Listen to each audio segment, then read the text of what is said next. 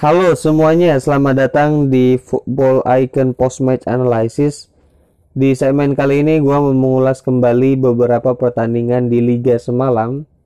Tapi sebelumnya ini baru aja selesai pagelaran The Best FIFA Football Award di penghujung tahun 2020 ini ada beberapa nama yang menyabet penghargaan di antaranya Robert Lewandowski sebagai pemain terbaik FIFA mengalahkan Cristiano Ronaldo dan Lionel Messi.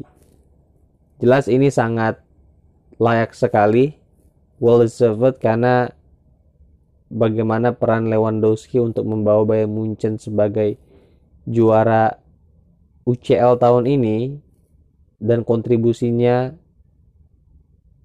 dengan mencetak gol sungguh luar biasa. Jadi ini sudah tidak diragukan lagi layak sekali untuk Robert Lewandowski. Setelah itu dari pelatih ini dimenangkan oleh Jurgen Klopp yang itu mungkin menimbulkan pro dan kontra karena ada nama-nama yang mungkin bisa dikatakan lebih layak seperti Hansi Flick tetapi ya ini mungkin FIFA punya penilaian atau standar penilaian yang itu dari mereka sendiri.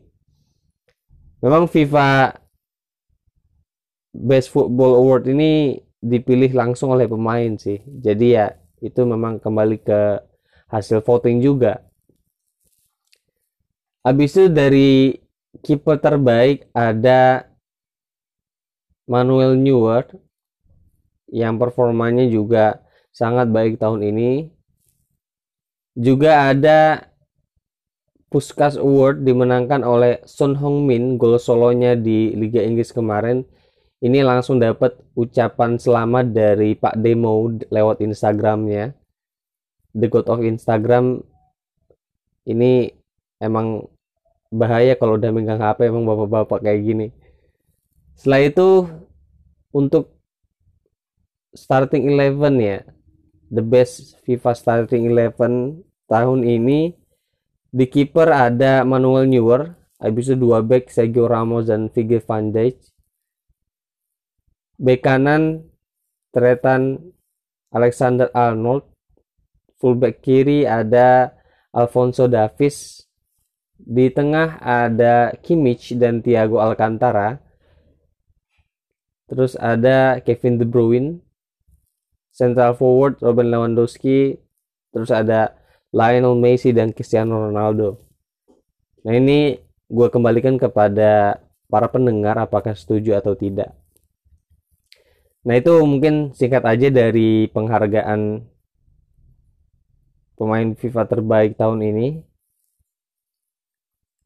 Perdebatannya silahkan dilanjutkan nanti di rumah gitu.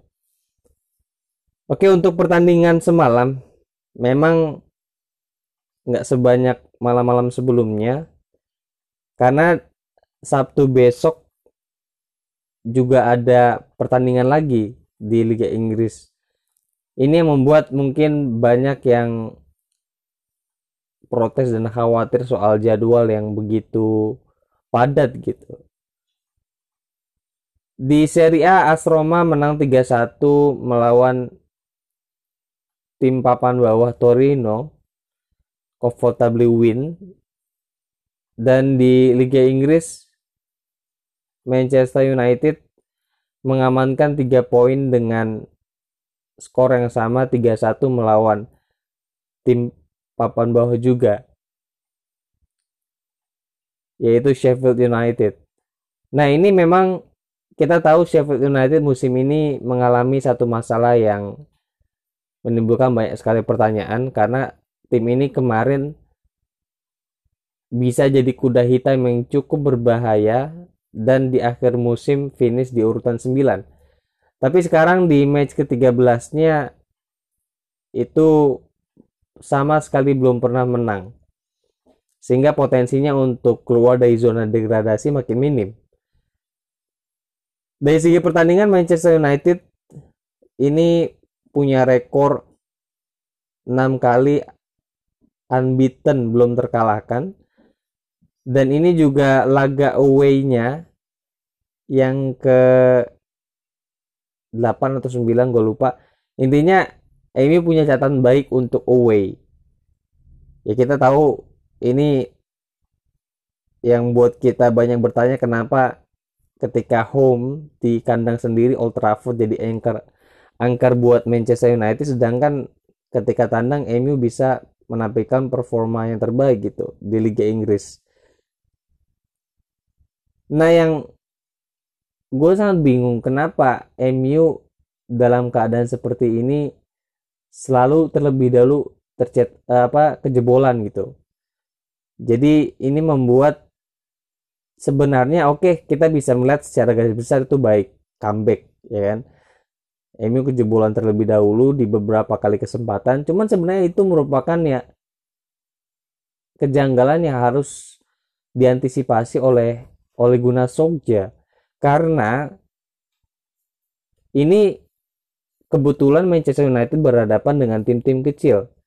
Sehingga mungkin defensive error itu masih bisa tertolong oleh kualitas individu dari para pemain. Cuman ini yang membuat harusnya uh, Manchester United lebih mengantisipasi kembali uh, bagaimana gaya bertahannya nanti ke depannya gitu. Nah, yang membuat uh, MU ini terlihat kesalahannya dari Dan Henderson di gol pertama itu membuat Manchester United sempat kehilangan keseimbangan. Nah, pemilihan Dan Henderson sebagai penjaga gawang kali ini memang dibilang keputusan Solskjaer itu dipertanyakan karena masih ada De Gea. Tapi mungkin dipersiapkan untuk pertandingan selanjutnya ketika melawan Leeds United. Orang nggak ada yang ngomentarin soal Dan Henderson apalagi para hatersnya De Gea karena Dan Henderson ini masih bisa diselamatkan oleh tiga gol selanjutnya oleh Marcus Rashford dan Martial. Tapi memang kesalahan yang cukup fatal buat eh, Dan Henderson. Luckily it's Sheffield United gitu. Dari segi gaya permainan Bruno meskipun belum bisa mencetak assist dan gol di pertandingan kali ini which is itu pertama kali sejak ditransfer di dari bulan Februari ya. Untuk Premier League away ini pertama kalinya Bruno tidak mencetak assist dan gol. Tapi masih bisa menunjukkan kelasnya. Pogba juga melakukan umpan-umpan yang luar biasa. Yang itu berbuah gol buat Martial juga dan ini sangat menarik uh, tentang performa Pogba ketika Manchester United memasang Matic, Pogba dan Bruno.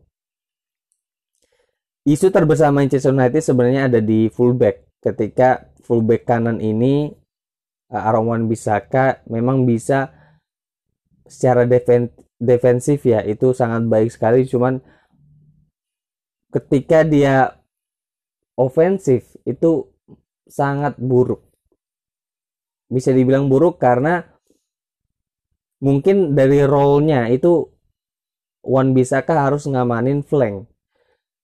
Nah ketika sayap seperti Mason Greenwood atau Rashford yang biasanya Sokja juga sering bikin lini depan itu fluid itu cuma punya opsi untuk ngoper ke Wan Bisaka sebagai pembuka ruang tapi Wan Bisaka ini nggak bisa overlapping sayap untuk melakukan crossing? Karena crossingnya juga sangat buruk gitu. Ini mungkin salah satu isu yang ada di sistem Manchester United. Memang MU butuh sayap kanan yang murni dan juga ketika melihat performa Martial belakangan ini Emi juga butuh striker yang berkualitas gitu. Intinya mungkin tiga poin dan Manchester United tersisa satu game selisih 3 poin 4 poin dengan uh, Liverpool dan ini bisa kemungkinan mengurangi selisih sampai 2 poin sehingga Manchester United bisa lebih aman ketika berkompetisi di Liga Inggris. Dan itu makin memperbesar potensi Manchester United untuk bisa menjuari liga karena selisih poin ini. Cuma sayangnya ya kembali lagi bagaimana MU sebenarnya juga punya track record inkonsisten yang sangat buruk sehingga ini perlu jadi bahan evaluasi untuk Ole Gunnar Solskjaer. Uh, mungkin itu aja sesi Football Icon Post Match Analysis kali ini. Sampai ketemu di sesi selanjutnya. See you next time.